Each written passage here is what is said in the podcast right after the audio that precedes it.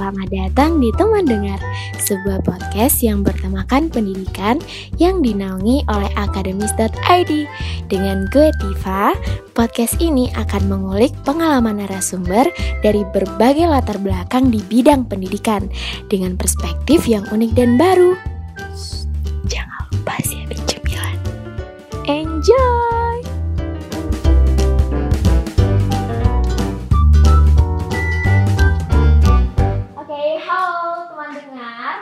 Balik lagi bareng aku Tifa. Jadi di podcast kita yang kedua ini kita lagi bareng sama Kak Odara Eka Aptari. Iya benar.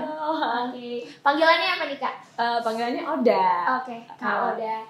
Jadi Kak Oda ini adalah salah satu mahasiswa berprestasinya Teknik Kimia Fakultas Teknologi Industri Institut Teknologi Bandung. Dan eh, setahu aku nih, Kak Oda itu banyak banget kesibukannya. Iya nggak sih? Em, sibuk tuh relatif lah Ah, ya. iya. Begitu enggak? Oke. Eh, terus aku juga dengar Kak Oda itu adalah pendirinya Saya Stubuk. Mm-mm, mm-mm. Oke, itu gimana sih Kak? Em, saya Stubooks itu, Hmm. eh, itu suatu komunitas yang aku buat sendiri Oke. eh, untuk literasi anak di Indonesia sebenarnya. Mm-mm. Jadi eh, main goal dari kita adalah menjadikan suatu literasi itu fondasi dan alat alat bagi anak-anak Indonesia untuk eh, memenuhi potensinya dirinya itu. Oke. Dan itu sekarang bentuknya eh, perpustakaan keliling. Mm-mm. Nah, kita keliling ke sekitar empat panti binaan di Bandung sekarang. Jadi eh, kita udah ngebantu sekitar 150 anak di Bandung. Wow, itu dari kapan tuh kakak eh, apa ya punya keinginan untuk mendirikan sistem itu? Kalau keinginan sih udah lama ya dari 2016 itu sebenarnya aku memulai itu dengan mamaku sendiri. Itu Oke. di Riau dulu. Nah, gara-gara Oh kakak dari Sumatera ya? Iya, dari Sumatera. Asik. Geng Sumatera nih, aku Oh, juga. Sumatera. Oh ya, oke oke. Nah, jadi dari Riau, terus Oke. eh, tahun 2019 ini eh, orang tua aku pindah ke Jakarta. Mhm. Jadi karena udah tahu bakal pindah tahun 2019, eh, aku mikir kayak udah kalau nggak buku-bukunya dipindahin ke Bandung aja. Oke. Jadi tahun 2018 kita mulai CS2 Books di Bandung ini dengan sekitar baru dikit sih bukunya 300 buku dan sekarang kita udah punya sekitar 800 buku di perusahaan kita gitu. Heeh. asik banget ya. Terus apa sih kak yang hal yang paling mendasari kakak untuk eh, apa ya tergerak hatinya untuk kakak mendirikan itu? Maksudnya kakak Hmm. apa momen kakak bisa?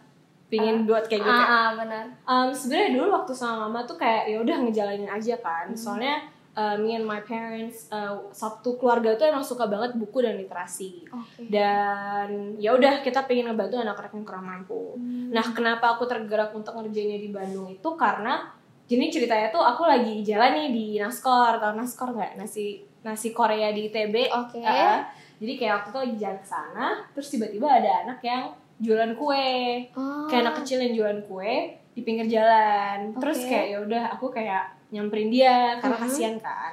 Aku beli makan tapi ternyata di samping dia itu selain ada kue-kue yang dia jual tuh ada kayak artikel-artikel bacaan kertas-kertas printan yang dia suka baca gitu. Aku tanya Oh. lah kamu kenapa nggak sekolah? Terus kata dia "Em, karena harus bantu ibu jualan ini. Padahal dia tuh hobinya adalah membaca. Jadi setiap hari ketika dia punya em, apa uang-uang lebih dia Iya. pakai uang itu untuk print-printnya segala macam materi yang dia bisa baca yang dia ketinggalan di sekolah jadi menurut aku kayak wow ternyata sebenarnya banyak anak yang pingin baca banyak anak yang suka literasi cuman nggak punya akses ke hal-hal kayak gitu karena Oke. economic instability dan segala macam kayak gitu Jadi itu kenapa kakak bikin saya stubuk? Itu kakak sendirian Hmm. awalnya.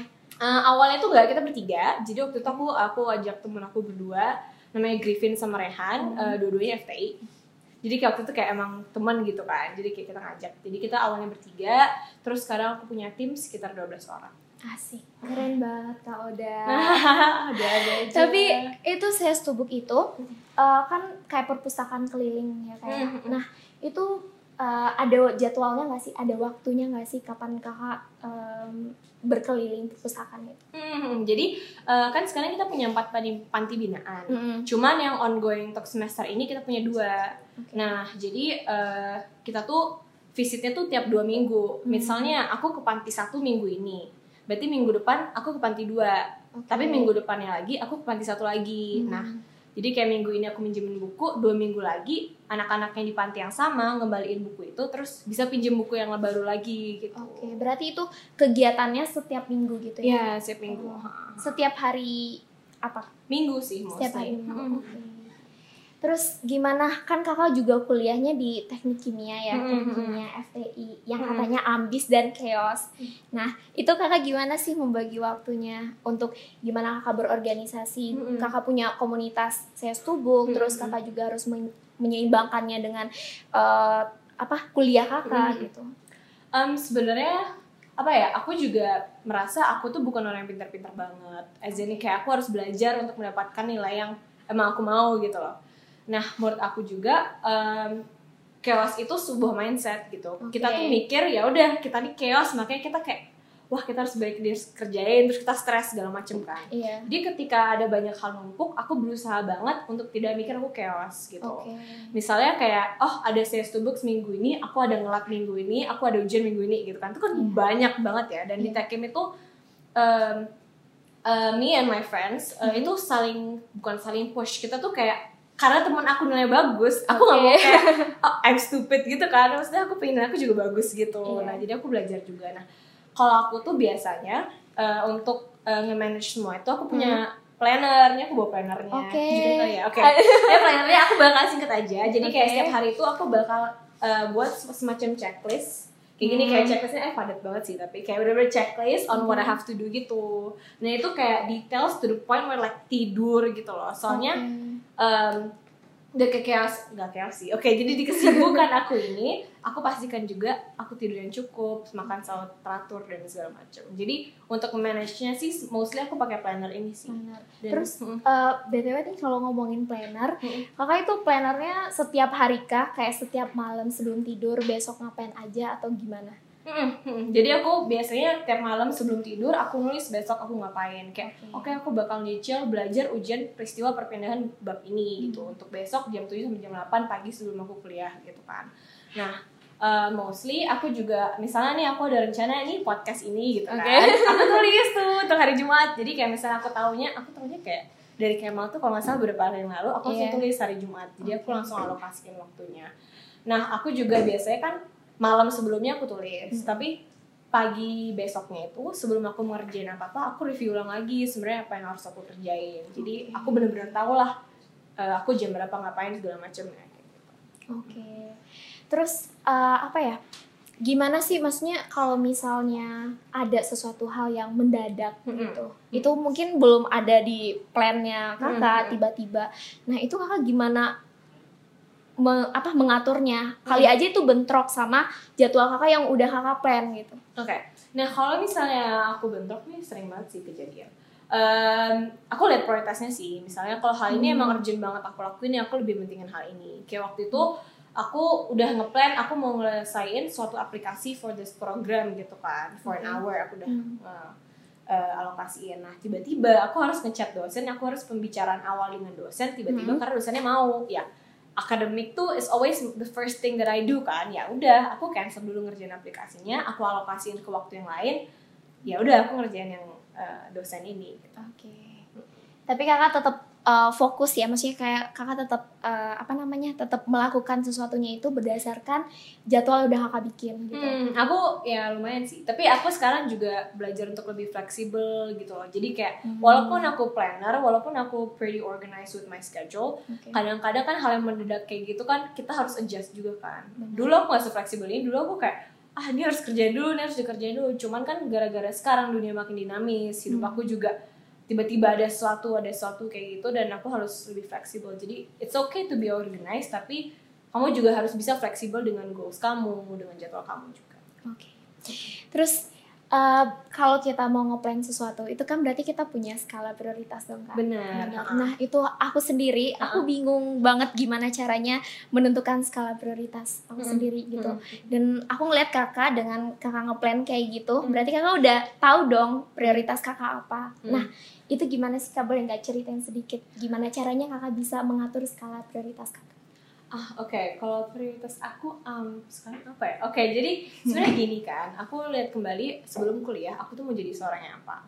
Nah, Oke. aku tuh nggak melihat, aku tuh melihat kuliah tuh seperti sarana yang membantu aku mencapai mimpi aku bukan berarti Oke. kuliah ini akhir aku gitu loh Hmm. nah jadi kuliah ini jadi prioritas pertama aku aku harus kuliah dengan baik mendapatkan nilai dan IPK yang baik itu satu Em, yang kedua itu aku prioritaskan kepada hal-hal yang emang aku pingin lakuin dan aku suka jadi kedua, prioritas kedua aku tuh ya sales to books aku ini. Hmm. Jadi aku bener-bener ngelokasiin waktu untuk di situ. Nah, jadi tergantung sih menurut aku gimana caranya kamu milih skala prioritas kamu itu tergantung sendiri kamu sukanya apa dan kamu pengen jadi apa setelah kamu selesai kuliah gitu loh. Dan aku sih Berarti kita harus tahu tujuannya dulu. Eh, bener banget tujuannya dulu. Tujuan kenapa kita mau ngelakuin itu. Bener banget. Oke. Em, terus kakak apa nih selain saya stubuk, selain eh, akademik, Mm-mm. kakak fokus ke mana lagi? Saya kakak lagi ada apa gitu? lagi ada apa ya? Em, sekarang ini aku masih menjabat sebagai Director of Members Development di American Institute of Chemical Engineers. Oke. Itu tuh kayak em, suatu organisasi internasional Mhm. di bidang teknik kimia yang ada di TB, kayak semacam SPI gitu loh kalau tahu SPI, tapi eh, untuk Tekim. Nah, Oke. itu. Eh, kemarin juga aku sempat jadi bio di SC, kemarin Hmm. juga aku sempat jadi eh, founder dan eh, timnya di PIF juga. Em, dan juga most importantly sekarang aku lagi fokus ke project aku. Jadi sekarang ini aku ada project sama dosen, Mhm. project sama temen aku kita berempat itu di bidang renewable energy. Jadi kita melakukan Oke. suatu riset eh, untuk mengembangkan suatu solar panel yang terbuat dari recycled plastik gitu. Oke. Eh, sebelum ini nih, sebelum kakak datang, aku sempat lihat Instagram kakak. Oh ya, Nah, itu yang kakak dapet first runner up ya, kalau nggak Ah, salah ah, ah, 10 juta itu. Ya, Ini yang lomba ini ya? Iya itu lomba Oh. ini. Tapi eh, karena aku mikirnya kayak, aduh sayang banget idenya oke. Dan masalah tuh salah satu company eh, FMCG di Indonesia, Coca-Cola, udah Hmm. mau ngesponsorin kita untuk Hmm. project ini. Cuman eh, masih menunggu prototipe dari kita juga sih. Jadi menurut aku eh, hal-hal yang kamu kerjain di lomba, kalau emang bagus, kenapa nggak diterusin aja gitu. Oke. Eh, balik lagi nih kak ke time management. Hmm. Nah itu eh, apa sih maksudnya kayak efeknya di kakak? Efeknya di aku ya, maksudnya kayak Eh, kakak bisa menghasilkan apa aja dengan kakak bisa memanage waktu dengan baik, mm, dengan kakak bisa memanage diri dengan baik Mm-mm. gitu. Kakak jadi bisa melakukan apa aja. Um, honestly, kalau misalnya dari aku sendiri, uh, dari memanage waktu yang baik tuh, Oke. uh, aku juga aku bisa satisfy diri aku dan aku bisa satisfy orang lain. I can make people proud, I can make my parents proud juga yang mem- mempunyai mungkin ekspektasi tinggi atas prestasi-prestasi aku di ITB dan IPK aku. Uh, dan juga uh, aku juga satisfy myself dengan cara aku bisa refreshing sebenarnya. Aku bisa Hmm. main, aku masih bisa ngelakuin semua itu loh dengan time management. Jadi Iya. time management bukan berarti kamu selalu sibuk tapi bisa jadi kamu nge-refreshing diri kamu sendiri juga Oke gitu. Oke. Eh, sekian dulu ya kak. Makasih loh kakak udah nyempetin waktu untuk ngobrol bareng eh, teman dengarnya akademis. Terus semoga kakak sukses buat Amin. akademiknya, saya stubuk dan kegiatan kakak yang lain. Makasih juga Bye bye.